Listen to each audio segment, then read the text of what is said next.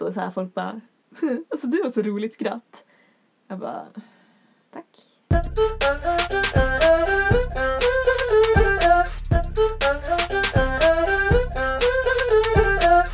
Hej hej! Nej, oh, jag låter för glad. Jag, nu ska inte jag anpassa mig.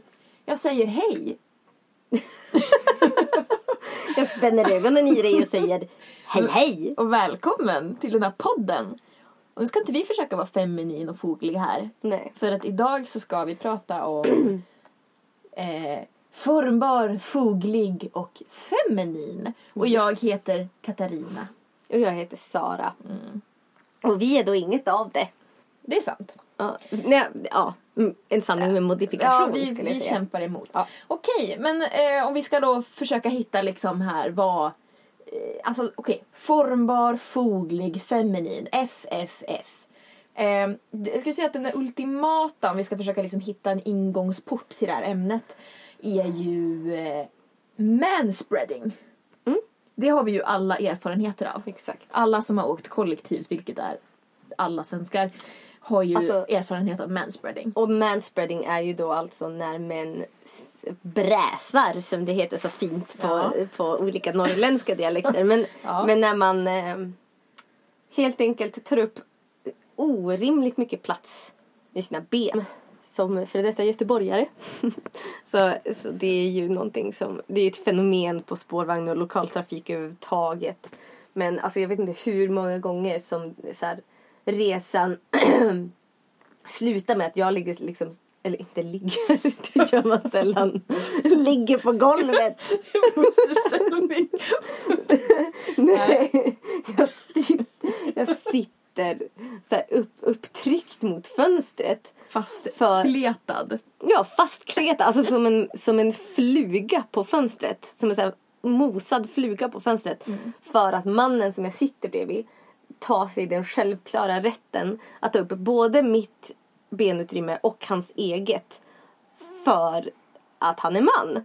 Eh, och ser liksom hur jag sitter bara så här, tar så lite, alltså jag, jag kanske tar typ en, tre, en fjärdedel av sätet i utrymme. Och han måste ju ändå se det, så blind kan de ju inte vara. Men de tycker bara att det är rimligt. Att så här, självklart ska hon sitta så, vad, vad kvinnligt hon sitter. Typ. Precis, och men det handlar ju om att, men också tror jag många män kanske inte riktigt tänker på det just för att kvinnor anpassar sig Ja. efter deras eh, benutrymmeskrav Mm. som är totalt orimliga.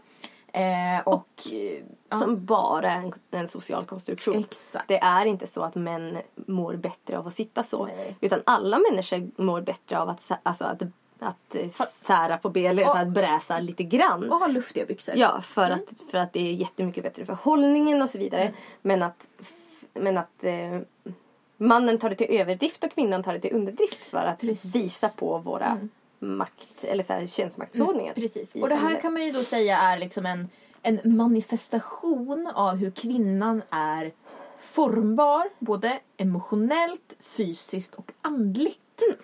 Eh, hur kvinnan, jag tycker eh, Penntricket, som är en jättebra podd. Eh, Som vi har rekommenderat förut.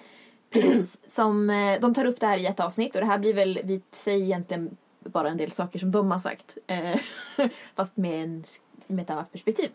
Eh, och då pratar, eh, pratar de om så här, kvinnan som en lerklump. Ständigt formbar. Du, du, du kan alltid knåda och ändra och liksom passa in. Är det här liksom den här formen? Ja men då kan vi, vi kan köra in henne där och hon, hon formar sig och finner sig. Men mannen är en cementklump. Och det är ingen som försöker att forma honom för att han, vi har en sån attityd om att ja men män, män är män och sådär. Och sen så har vi konstruerat hela vår, alltså hur vi ser på makt, hur den manifesteras, allting sånt gör, är liksom att mannen är, är det här cementblocket som tar plats på i kollektivtrafiken som eh, tar mycket rum, ska jag säga, liksom, med både alltså så här, sin röst, eh, så, men också liksom emotionellt och tankar och allting sånt där. Och kvinnan ska alltid foga sig, forma sig efter den plats eh, som männen tar och då försöka finna sig då den lilla platsen som finns kvar på sidan av. Ja, och också så här, eh, inte bara den plats som mannen tar utan också så här, det ansvar som cementblocket mannen väljer att ta. Mm. Eh, och kvinnan får helt enkelt foga sig efter den stora, den stora del ansvar som blir efterlämnat för Mm. att han inte han är inte formbar så han kan ju inte ta ansvar som hans cementblock från början inte tog. Precis. Typ. Mm. Ehm, Precis. Och sen blir ju det som blir resultatet också av det här, eller det är väl en, vad ska man säga, vad, svårt att säga vad som är hönan och ägget här, men, men att det blir ju att det både skapar men också reproducerar det här liksom att, att vi ser på det som, som ärbart, dygdigt, eh, passande för en tjänarinna och kvinnligt. Att forma sig, att inte ställa krav, inte begära, att alltid lyfta fram andra, aldrig lyfta fram sig själv, aldrig ta plats, varken fysiskt, emotionellt eller andligt. ja. Och det är Verkligen. enormt sorgligt. Verkligen. Och ju, alltså det, det är ju verkligen så tydligt på så många områden. Alltså om man bara tittar på en sån här sak som, som löneförhandlingar till exempel. Hur, en, hur män eh, tränas så tydligt i att vara den här cementblocket. Bara, jag har bestämt mig för att jag ska ha den här lönen och inget annat går jag med på. Typ. Och så fogar sig inte andra efter honom så, så, här, eh, så, så skiter han i det och går vidare. Går vidare. Medan en kvinna eh, så här, Typ nej men inte ska väl jag, nej men, men ni får ge det, den, det löneutrymme ni har, ni har möjlighet till och så här, Mm, eh, att man, man ställer inte krav helt enkelt. Eh, Så man I kanske sk- väldigt ja. många position, eh, här, situationer i, i samhället. Exakt. Eh, Så att, eh, och, och som sagt, och det här tar, vi ska koppla det här lite grann till frikyrkan eh, strax. Men eh, det här tar ju liksom sitt uttryck både fysiskt, som vi säger, alltså i kollektivtrafiken, att du tar, du tar mindre plats för att du tänker hela tiden av hänsyn till andra resenärer. Jo men bara Eh. den här, den här grejen typ, jag har ett säte till mitt förfogande. Mm. Tar jag upp mer av det än det här sätet så tar jag upp plats på någon annans bekostnad. Mm. Den lite rimliga slutsatsen tycks kvinnor ta till större del än män. Mm, precis. Eh, det är också väldigt viktigt att man, eh, lite, man är så intränad i det här att man ska ha sin, att ens röst eh, liksom ska inte utmana män utan jag ska liksom, jag ska vara lättsmält, jag ska ha en ljus, ehm, mild röst eh, som, inte, som inte tar för mycket plats för, att, för att då, ja men du, du blir du, det blir tyst bestraffning eh, när du gör, när du tar mycket plats. Om man bara lägger märke till en sån sak som så här, i, i ett sammanhang, i ett kompisgäng där det finns både män och kvinnor. Vem skrattar högst? Det är extremt sällan en kvinna. Alltså mer rent volym. Rent volymmässigt mässigt, eh, så är det oftast män som, alltså bara, bara en sån sak som skratt. Ja. Mm. Du ska Eh, så. Ja precis, alltså så här, vi är tränade att inte skratta för högt för att det anses ofeminint. Men när man ska ha dundrande jultomteskratt gärna. Ja, men jag får ju alltså för jag har ju, jag har ju ganska intressanta skratt.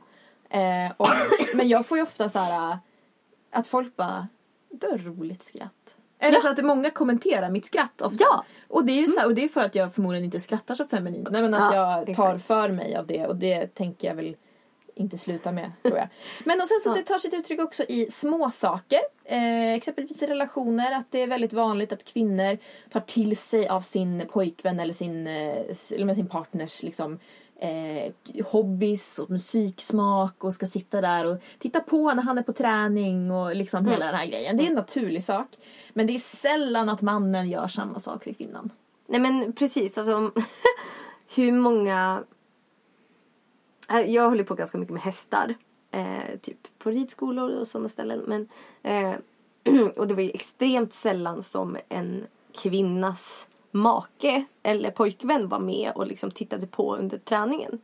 Eh, medan när jag, alltså så här, de få gånger som jag har följt med liksom på eh, på så här killkompisars typ eh, träningar och sånt där så är det jätteofta som så här, flickvännerna sitter där bara, mm, så här, som ett sten. Ja. Oj, nu slog jag i huvudet. Ja men precis. eh, och sen så finns det ju också det storsaker att eh, kvinnan flyttar med mannen. Eller det är liksom inte tvärtom. Alltså, nu, vi, såklart, nu tar vi de extrema situationerna som ändå är väldigt vanliga. Klart att i en mer jämställd relation så klart att man kommunicerar och sådär. Men så ni som som känner bara att nej men vadå vi flyttade ju till min, min frus hemstad och bara ja men jättebra då är det inte er vi pratar om. Då är, ja. Alltså självklart finns det massa undantag Mm. för det här. Och jag, alltså så här, att man kan ju sträva efter det. Jag skulle mena att jag och Mikael på må- alltså många gånger försöker, eller vi försöker verkligen vara medvetna om det här. Att jag inte bara ska forma mig efter honom. Mm. Eh, eller tvärtom, för att ibland så kan det tendera att bli tvärtom för oss. Eh, men, men att så här, verkligen vara vakna för det här. Eh, och då är det klart att det kanske inte tar sig uttryck i så stor del. Men jag tror att generellt och kvinnor i stort har lättare eller har en större tendens att formas efter man. Jag satt och pratade med en kvinna på ett tåg eh, som eh, ja, var, var lite äldre, hon var pensionär eh, och berättade, hon berättade att när hon var yngre så fick hon en, en karriärsmöjlighet och skulle eh, flytta, eller så här, hon fick liksom ett erbjudande om ett jobb liksom skräddarsytt för henne i ett annat europeiskt land och så här, eh, hon hade, ja men de hade flera barn, hon och hennes man och så. Ehm, men, men det var verkligen så här, ja de, de frågade specifikt efter henne.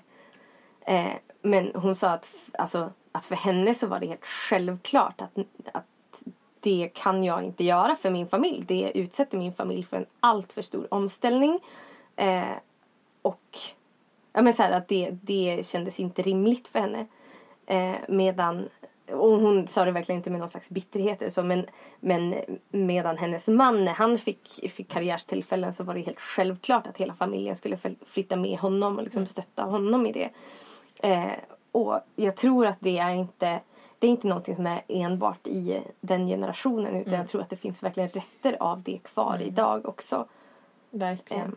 Men sen också den här grejen att vi har, nu är det olika i olika kulturer, men att i västerländsk kultur, eller så här, generellt i liksom väst, eh, västerländsk kultur, så byter ju kvinnan efternamn när de gifter sig. Och det är en sån självklarhet Mm. att, att du som kvinna förväntas, alltså att du ska byta ditt namn och man, äh, man längtar efter så här Mrs bla bla bla och att hela, och vi ska prata om äktenskap i ett senare avsnitt Ja. eh, så glä, glä, gläd er till det. Mm. Men att, och det får mig att bara så här, bara inte en chans i världen att jag kommer byta mitt efternamn någonsin. Bara dels för att jag gillar mitt efternamn men också av princip. Ja, alltså jag, jag bytte ju efternamn när, när jag och Mikael gifte oss. Jag tog ju hans efternamn. Eh, men jag tycker inte, alltså huvudsaken för mig är ju inte att, så här, att man alltid ska ta kvinnans efternamn av princip. Utan det jag tycker är den viktiga principen är att man faktiskt har ett samtal om det. Att det ska inte vara självklart att kvinnan tar, till, tar mannens namn. Utan att man har liksom en, ett, eh, ett samtal om det. eh, som kan få landa vart det vill. Jag tyckte inte om mitt gamla efternamn. Eh, och, eller så här, och hade inget emot att, byta. Jag tyckte även om att, att ha ett efternamn som börjar på G. För jag har alltid tyckt att G är en vacker bokstav att skriva. Det var bra. Ja, men eh, jag kommer aldrig byta efternamn. Eh, men i alla fall, så eh, det vi kokar ner det här då till är ju att det här handlar ju väldigt mycket om relationer då mellan män och kvinnor. Att kvinnan liksom lindar sig runt den oformliga mannen fysiskt, mentalt, personlighetsmässigt, andligt. ehm, så. så kvinnan kompromissar ofta. Eh, till, eller så här, eh, ja, men kompromissar med sig själv och nu säger inte vi att en relation eller så aldrig har eller att vara i kyrkan eller vad som helst att det inte ska vara kompromissfritt för att det, då lever vi i ett väldigt isolerat samhälle så ska vi inte leva. Eh, men att det är eh, hittills så är det, det är kvinnan som kompromissar till mannens fördel. Mm. Att mannen faktiskt anses viktigare än kvinnan.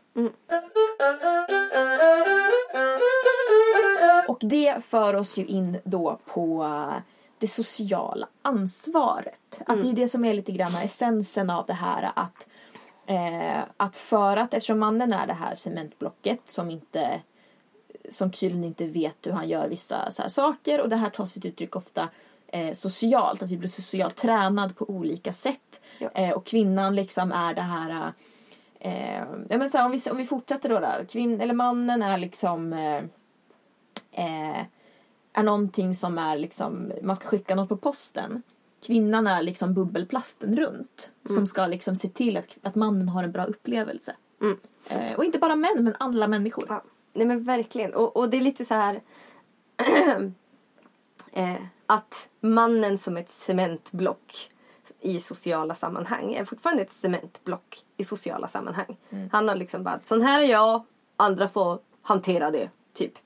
Eh, och jag har upp... Eller så här, jag, ja, det, det tycker jag är så otroligt tydligt med i princip alla män runt mig.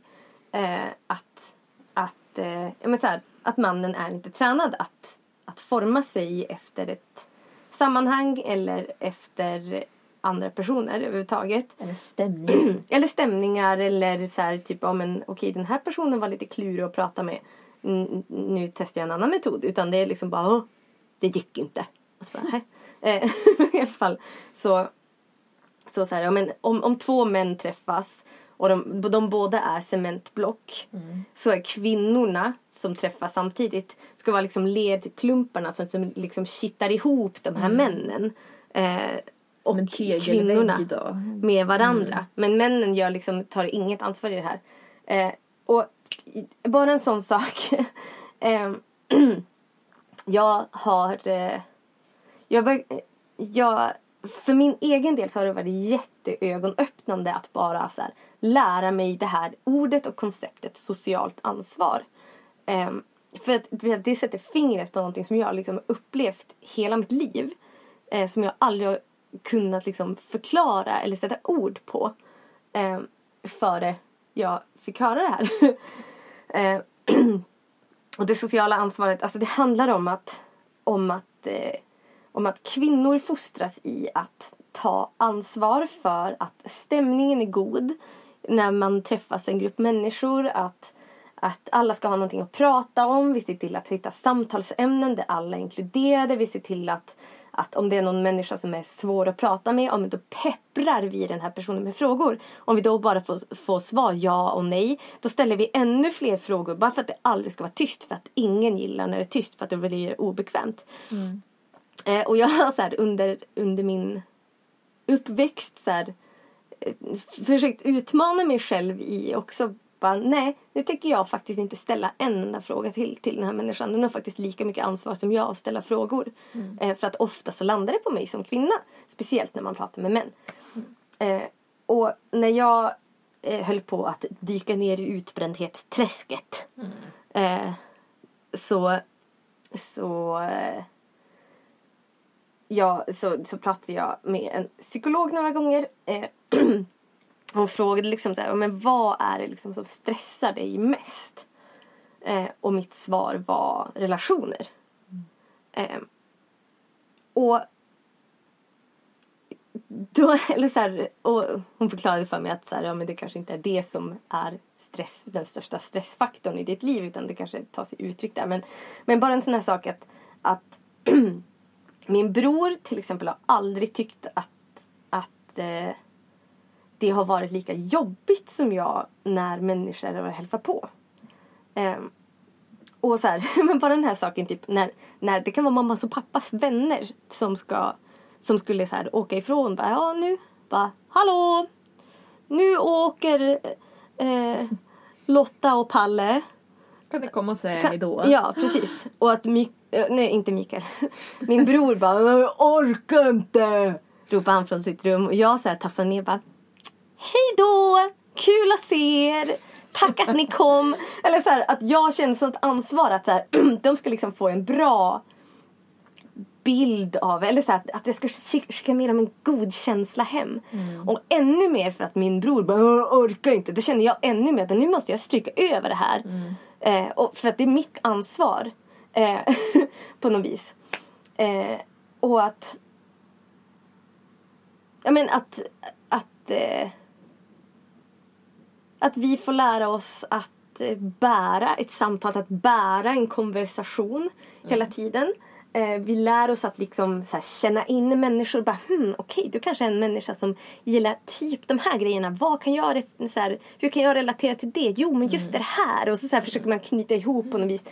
Eh, och att det ansvaret ligger på mig. Eh, Precis. Och att eh, bara den här grejen att män tenderar vara, att vara väldigt bra på att hålla monologer. ja.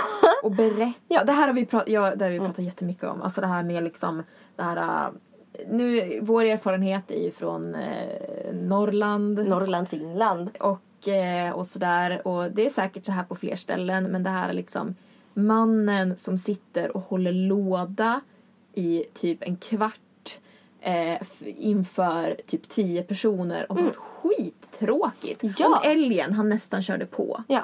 Eller så här, eller ja men Och, och att de Ja. dessutom blir upprörda om man så här, som kvinna försöker ha ett lite lågmält samtal. Så här, Mm. Att män kanske sitter och pratar om bara Typ om man förgasaren på bilen. Att män sitter och pratar om saker som, som är totalt ir- irrelevanta för resten av gruppen. Där så här, ingen annan är intresserad av det här eller har någonting att komma med.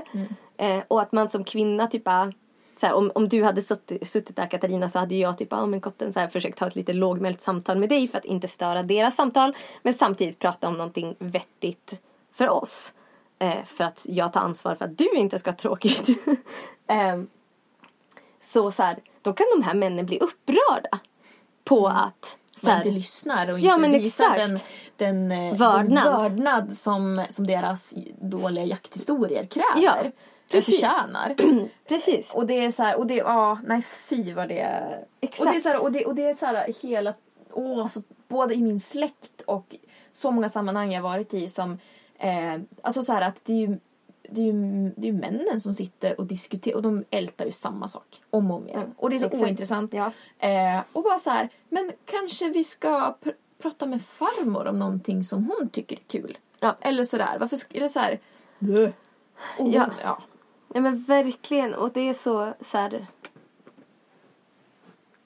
Jo men jag har också upplevt att det kan vara ögonöppnande för män när man, alltså, när man börjar berätta det här för dem. Att så här, så här beter du dig i sociala sammanhang. Så här, upp, märkte du här, när den här personen var på besök att du inte ställde en enda fråga? Märkte du det?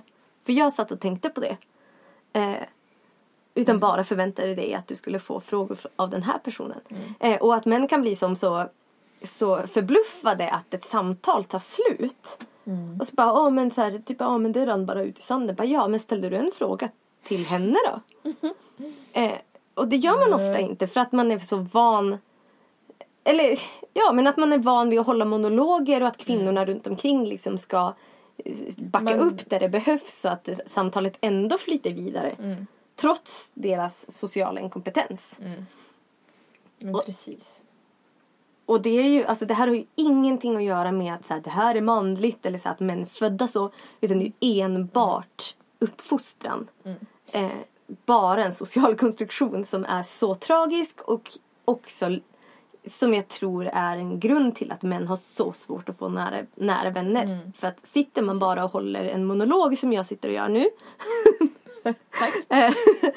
eh, så, så kommer man aldrig liksom in på djupet med en annan människa. Om man inte intresserar sig för andra människor.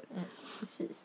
Men för jag la märke till det, alltså så här, för jag ehm, förra hösten så var det vid ett tillfälle som vi ehm, det var så här kreativ kväll i, eh, i församlingen och, då så så här, eh, och det var bara kvinnor där.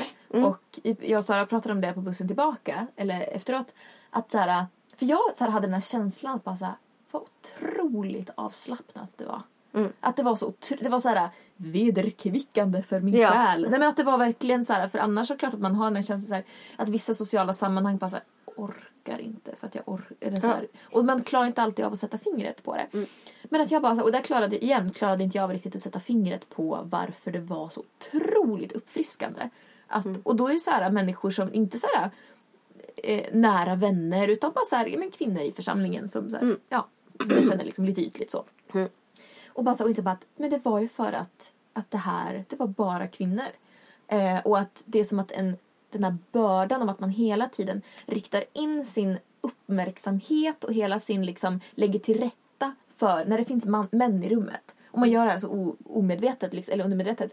Att man alltid, eh, man alltid har uppmärksamheten ditåt och allting liksom caters till den här mannen. Att hans, om, inte, om inte den här mannen i rummet, säg att det kan vara tio kvinnor och en man. Om inte han känner sig sedd och känner att han är med, då har vi misslyckats som grupp. Mm. Och det är så sjukt. Ja. Att man, Exakt. och, det är så, och det här, eh, jag jobbar med det här och eh, men, att, men det ger mig också så här bara, det är så kvinnoseparatistiska grupper. Ja, tack. Ja, verkligen. Och, Mm. och också så här... Ja, men, ursäkta.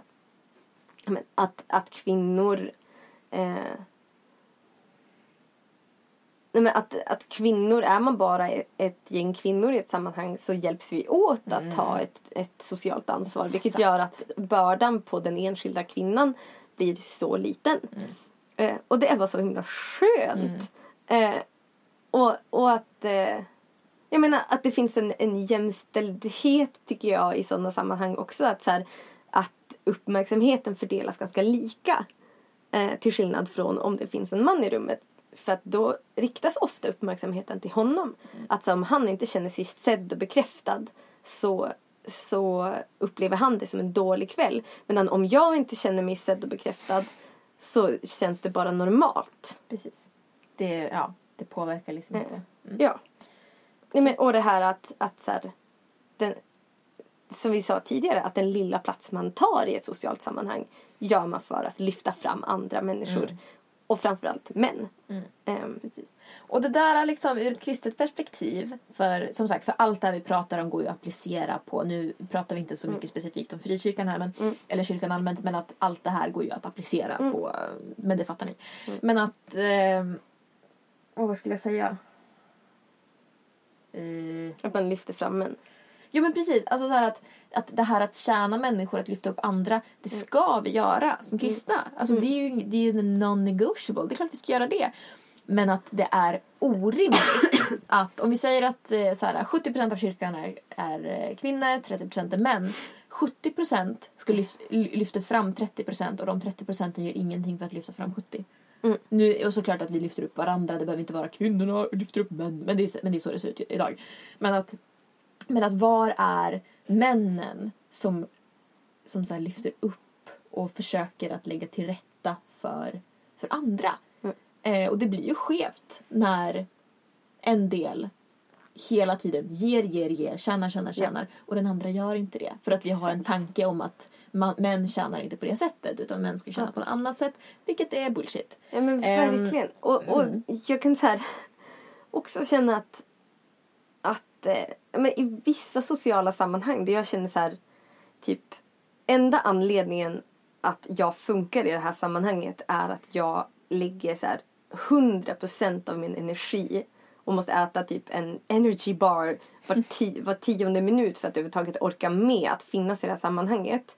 Eh, att enda anledningen att jag gör det är att jag utplånar mig själv och min personlighet i det här sammanhanget Precis. till förmån för alla andra. Ehm, och det är en sån, så här, sån jobbig känsla och sån börda.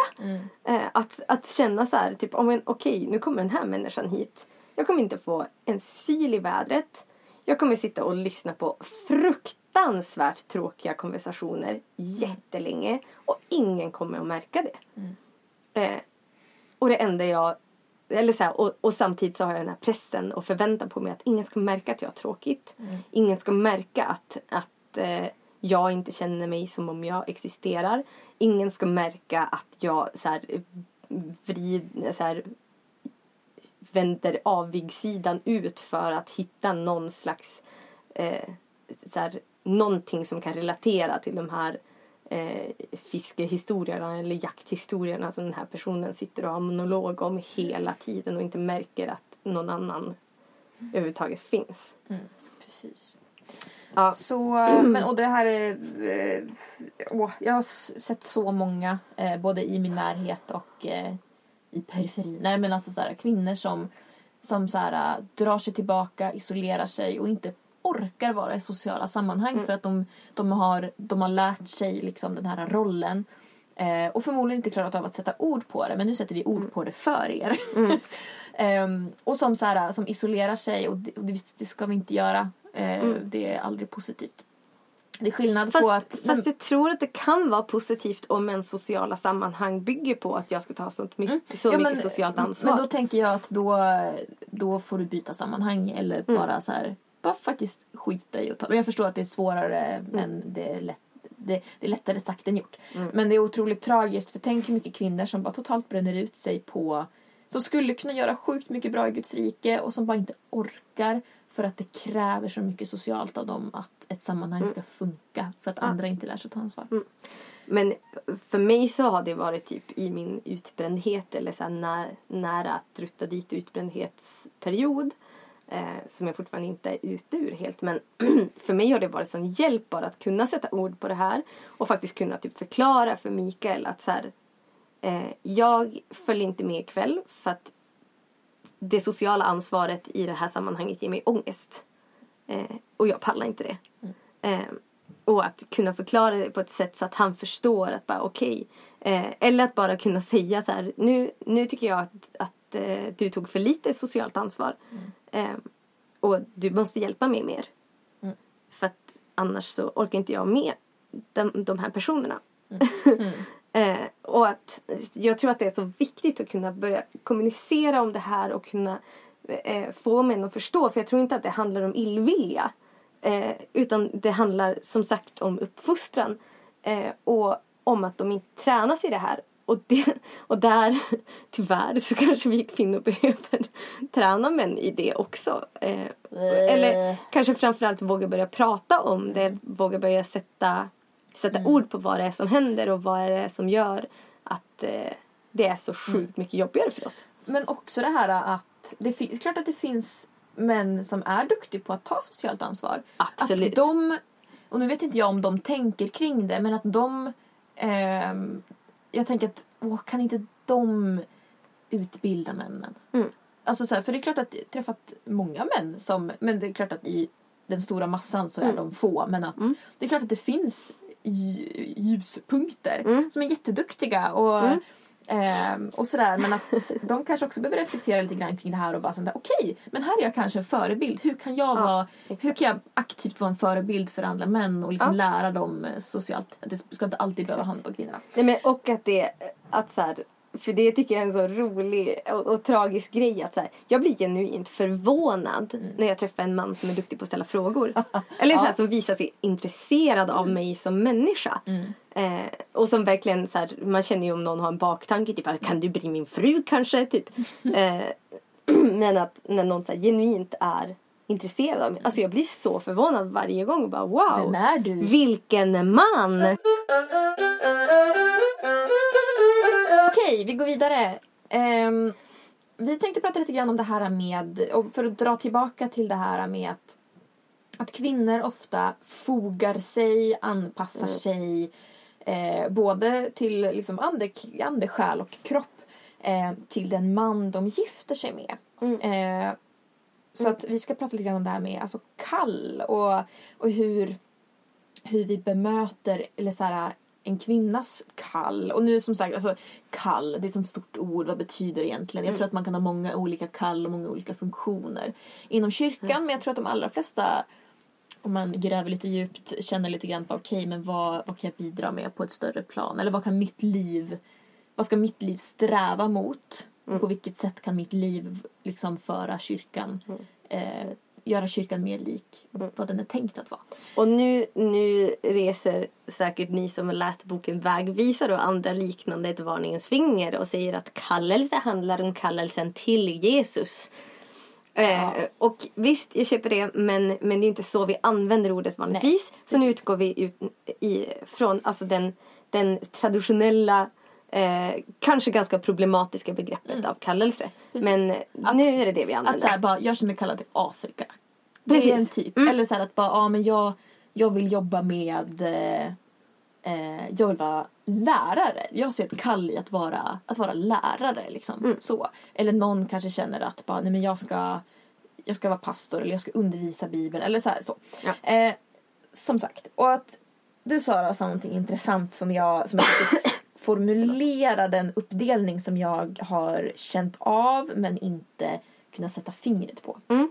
Nej men det, det jag sa som kom, som kom upp i mitt huvud här nu innan vi började spela in var att, att, eh, att kvinnan ofta eh, men, tar på sig en behovsbaserad kallelse. Liksom ser på ett sammanhang bara hmm, vad finns det be- för behov här och vem är jag att fylla, eller så här, hur kan jag fylla de här behoven som finns? Eh, och så liksom går man in och bara, ja oh, men okej, det behövs någon som strukturerar ut det här. Eller typ, ja oh, men okej, det behövs någon som tar det här ansvaret. Och så liksom skapar man det och man skapar liksom en kallelse utifrån de behoven. Eh, medan mannen återigen går in som en cementklump och bara in i kyrkan.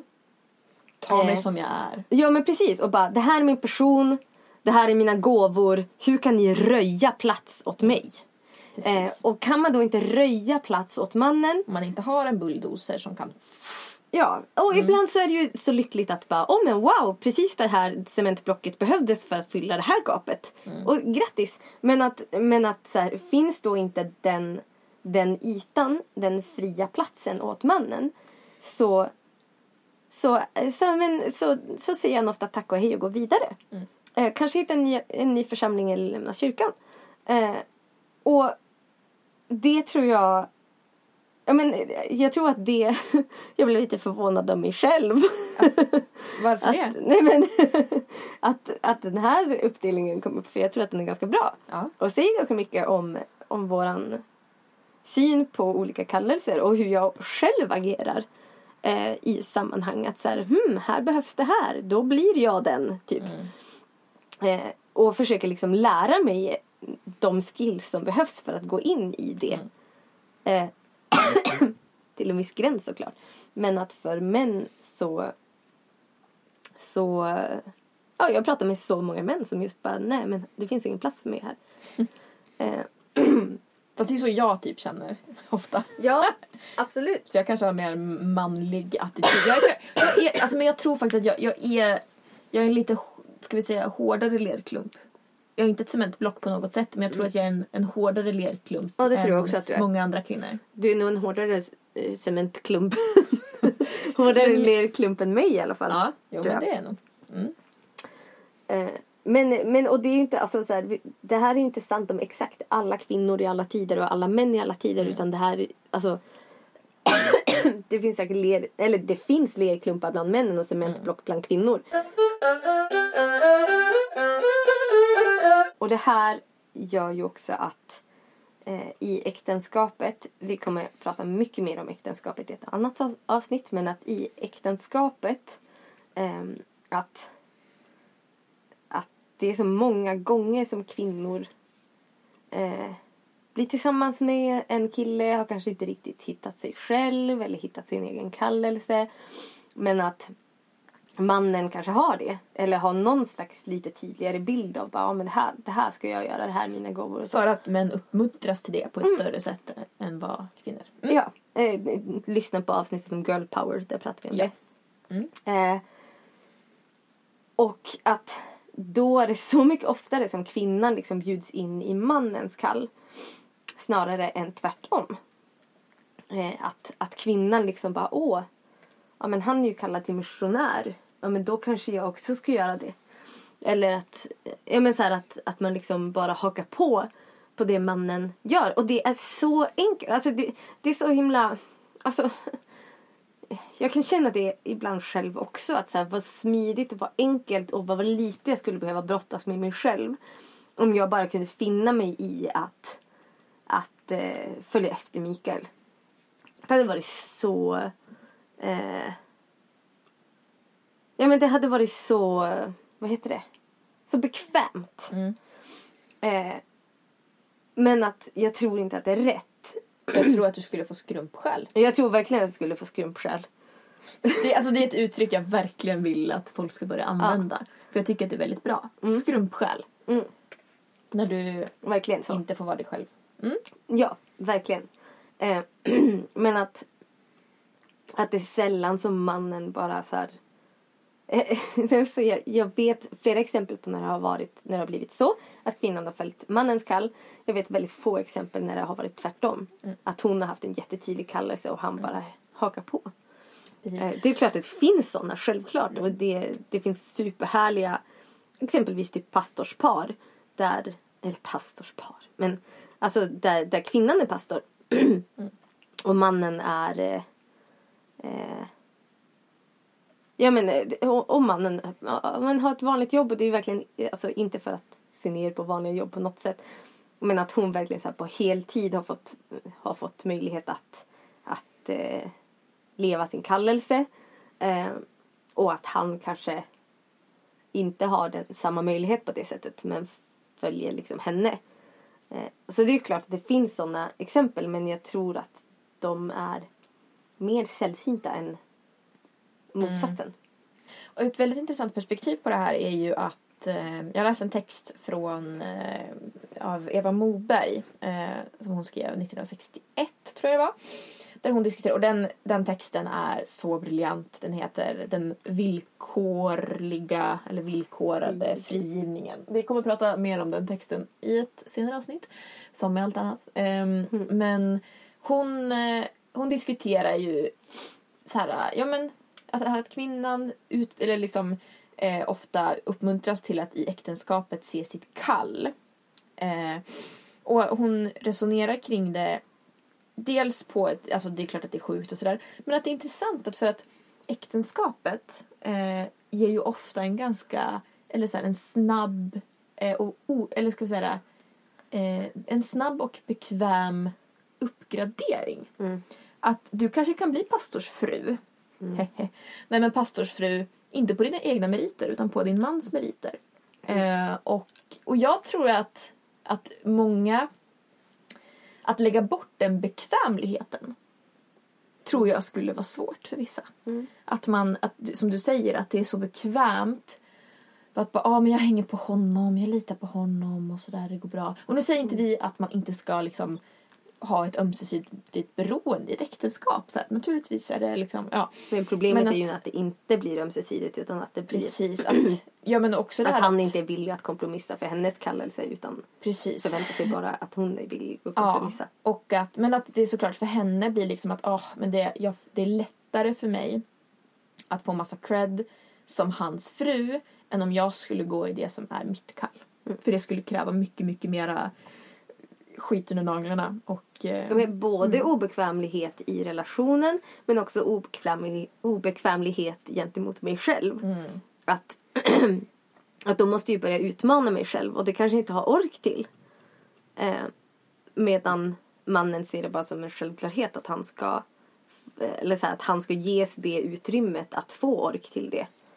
Ytterligare en, ett sånt exempel är ju hur många gånger har man hört det här ehm, Nej men, eh, nej, men så här, tjejer som gör slut med killar och kvinnor som skiljer sig från män som eller kanske är på väg in i skilsmässa och så eh, som just pratar om det här att, att de har tappat bort sig själv. Så här, att jag vet inte vem jag är längre.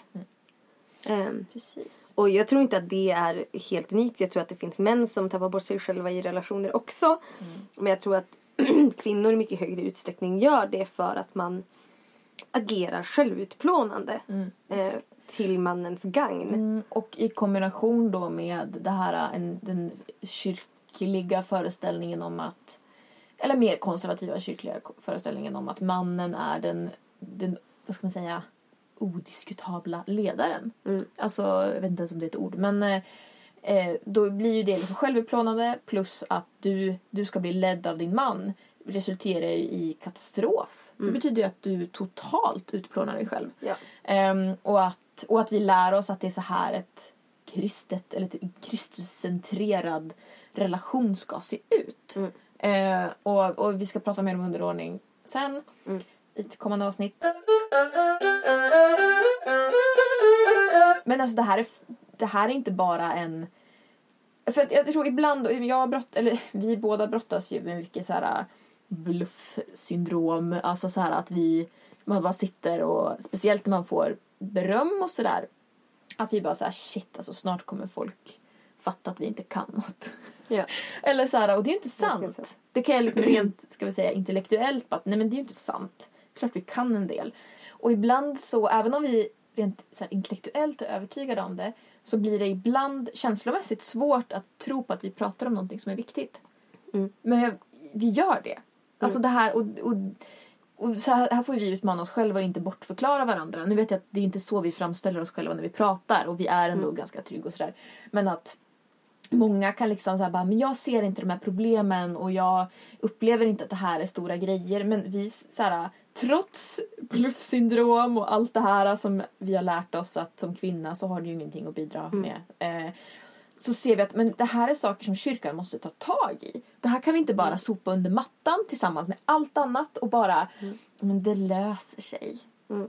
Vi, gör, vi har en kvinnokonferens och så kan, folk, kan kvinnorna få bearbeta sina känslor och så löser det sig. Behöver inte vi ta tag i det här? Bara, men det är dags för kyrkan att äta upp, inte, nej inte äta upp, men alltså så här att lyft på mattan, kolla vad har, vad har vi sopat under mattan och vilka konsekvenser har det här fått? Det är alltså att kvinnor har utplånat sig själva fullständigt och det här får ju konsekvenser inte bara för de enskilda kvinnorna och det är värt att ta tag i för de enskilda kvinnorna men också att vi som kyrka tapp, eller så förlorar så mycket på det. Vi förlorar liksom 70% av kyrkans potential Mm. av att vi uppmuntrar självutplånande eh, och eh, oömsesidig eh, underordning.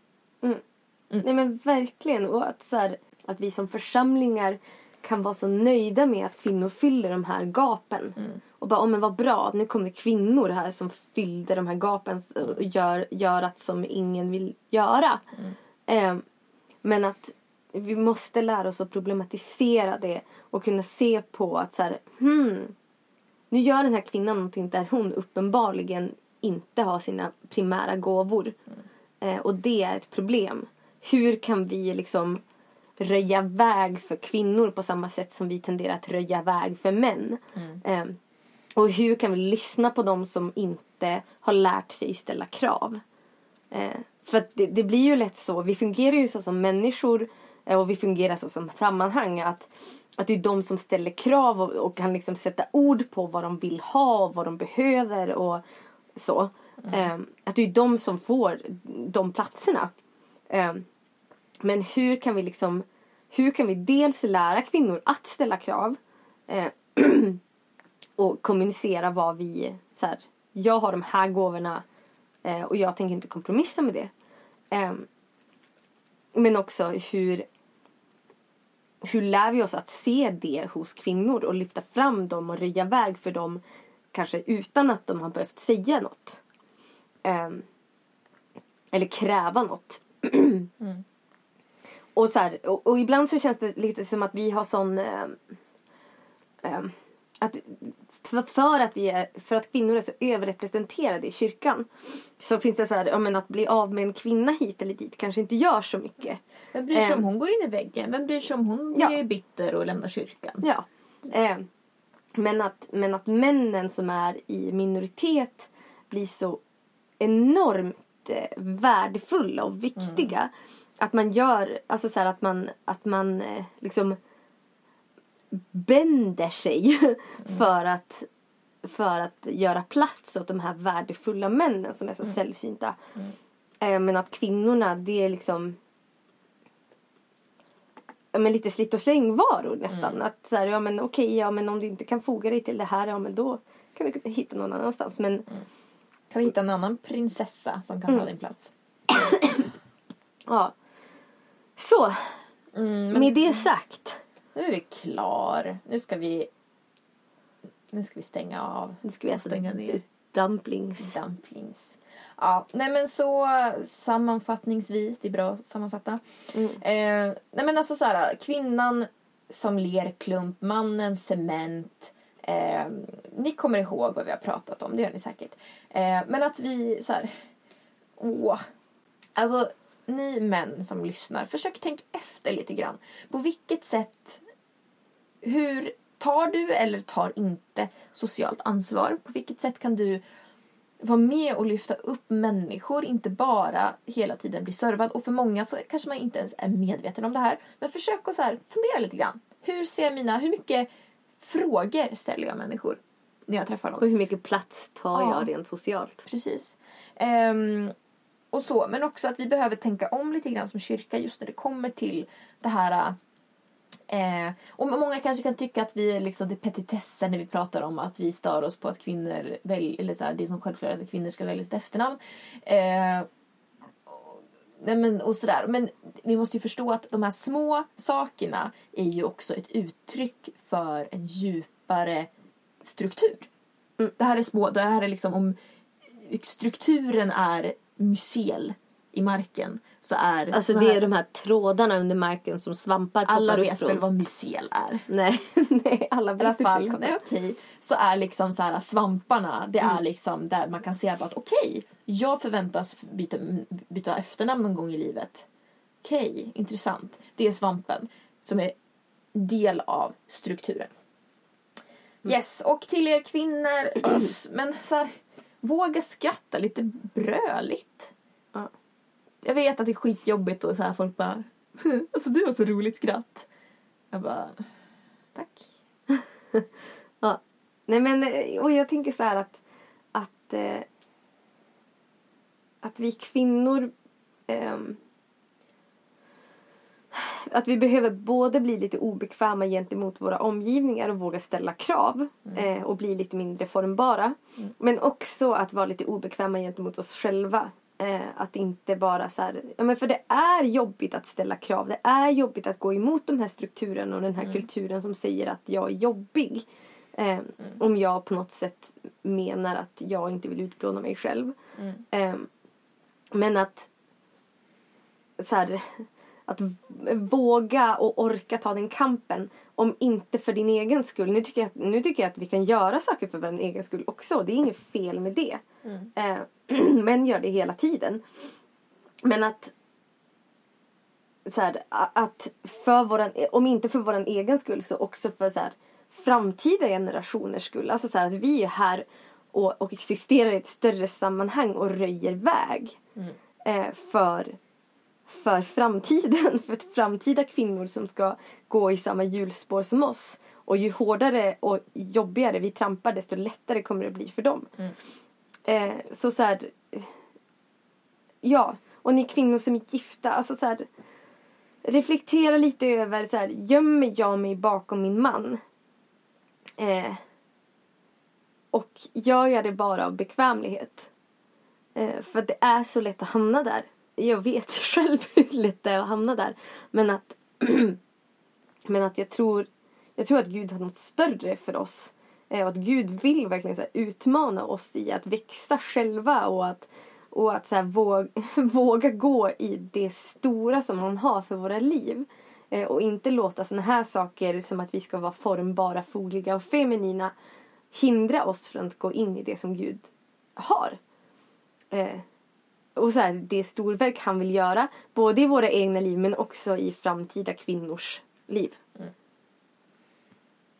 Yes. Amen. Amen. Nu, nu stänger vi ner. Men eh, följ oss på sociala medier. Yes. You know how to find us. Eh, engagera er i diskussioner och så vidare.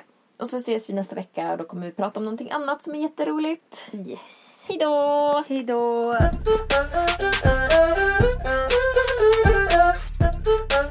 Thank you.